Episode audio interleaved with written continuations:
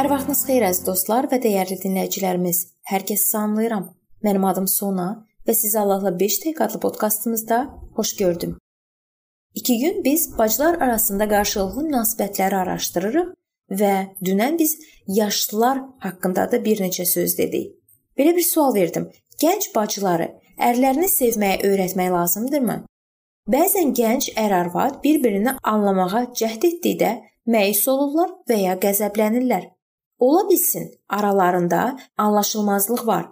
Çünki kişilər və qadınlar həyata fərqli baxırlar. Nə vaxtsa səni çox sevən ərin indi diqqətsizlik göstərə bilər.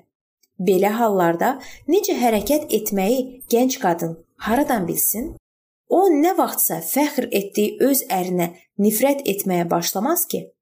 Məgər o indi belə münasibətə layiq deyil? Belə vəziyyətdə təcrübəli yaşlı arvadın və ya imanlı ananın faydası çox ola bilər. O ola bilsin, izah edəcək ki, kişi qadından fərqli düşünür. Ola bilsin, gənc bacıya ərindən gözlədiyi sevgini və diqqəti necə ala biləcəyini izah edə bilərlər.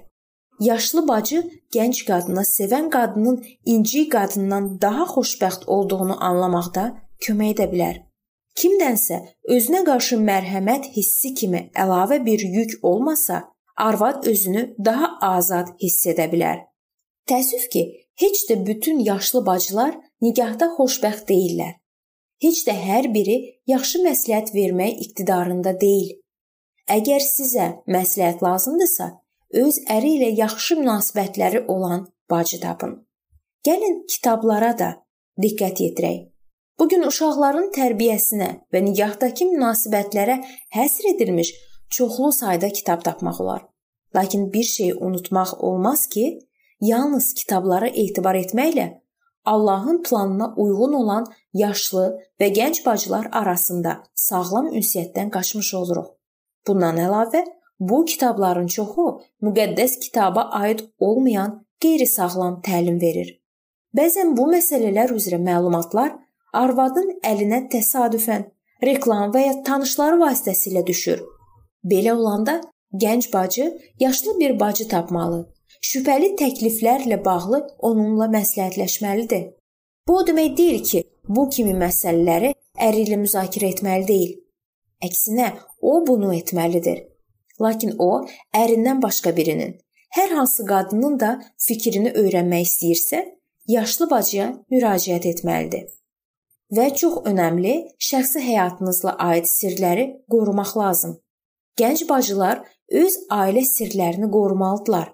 Bölüşməyin vacib olduğu detalları çıxmaq şərti ilə ailə həyatına aid hər hansı detalı açıb ağartmamalıdırlar. Belə olanda ər və arvad birlikdə yaxşıca düşünməklə məsləhət verə biləcək adam və ya xidmətçi seçməlidirlər. Bəzən Gənc ərsiz bacı ilə başqa bir gənc bacı arasında çox yaxın münasibətlər qurulur. Onlar bir çox sirlərini bölüşürlər. Belə münasibətlər heç də həmişə məqsədə uyğun olmur. Çünki həddən artıq yaxınlığa çevrilə bilərlər. İstənilən halda bacılardan biri ərə gedəndə bu münasibət dağılır. Düzdür, onlar bundan sonra da rəfiqə kimi qala bilərlər. Lakin bu münasibət artıq fərqli səviyyədə olacaq. Bu dəyişiklik toya qədər baş verməlidir. Ərə gedən bacı əvvəllər rəfiqəsi ilə bölüşdüyü kimi həyatının qalan hissəsini yaşayacaq adamla da bölüşməyi öyrənməlidir. Əgər məsihçi sevgisi, lazımı təmkin və hamıya hörmətlə yanaşsalar, bacılar öz aralarındakı qarşılıqlı münasibətlərdən zövq ala bilərlər. Qoy Allah bacılara yaratmaq və sağlam münasibətləri qorumaq üçün müdriklik və lütf versin.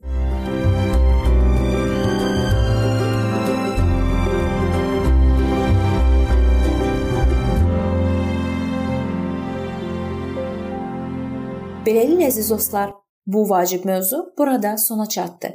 Hər zaman olduğu kimi sizi dəvət edirəm ki, bizim podkastlarımızı Facebook səhifəmizdən və YouTube kanalımızdan dinləməyə davam eləyəsiniz. İndi isə mən sizinlə sağollaşıram və növbəti görüşlərdə görmək ümidi ilə sağ olun, salamat qalın.